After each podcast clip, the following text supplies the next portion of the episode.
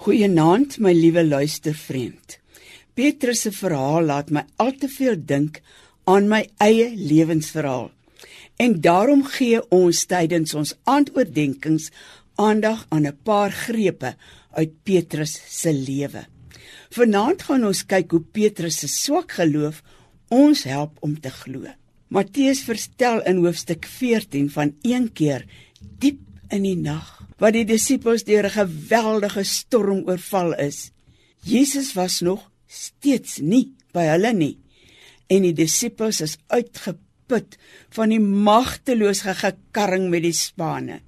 Nog steeds nie impliseer dat hulle wel verwag het dat Jesus by hulle sou aansluit. En dit was moontlik want daar was ook baie verkeer van bote heen en weer op die meer om alles te kroon, kom daar ook nog 'n spook op die water na hulle toe aangestap en hulle skree van angs. Maar die spook antwoord: Moenie bang wees nie, dis ek. Dit is Jesus vir wie hulle mos so goed ken. En boonop herinner die naam dis ek aan hoe God homself by die brandende doringbos aan Moses bekend gestel het. Ek is wat ek is.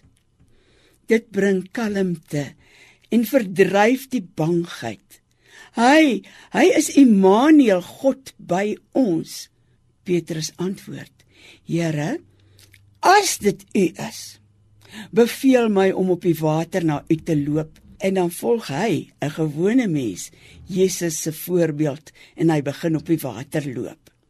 Maar skielik kyk hy af, weg van Jesus af en sien die branders en hy sien die bedreigende wind en hy beleef alles alles is vir hom te skrikwekkend.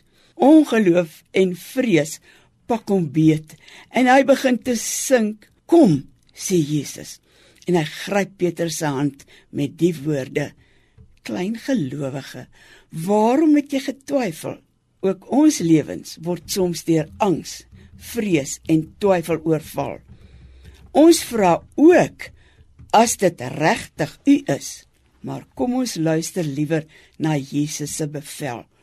Kom en ervaar hoe die bangheid verdwyn as hy sy hand uitsteek en ons vasgryp en ons in staat stel om die onmoontlike te doen. Om as dit ware op die water te loop. Hy wil hê dat ons dit sal waag om die pad van geloof en gehoorsaamheid te loop en so ons bangheid en klein geloof te oorkom. Here, in U naam dank ek U dat U my hand gryp en my help om in geloof my lewenspad verder te loop. Amen.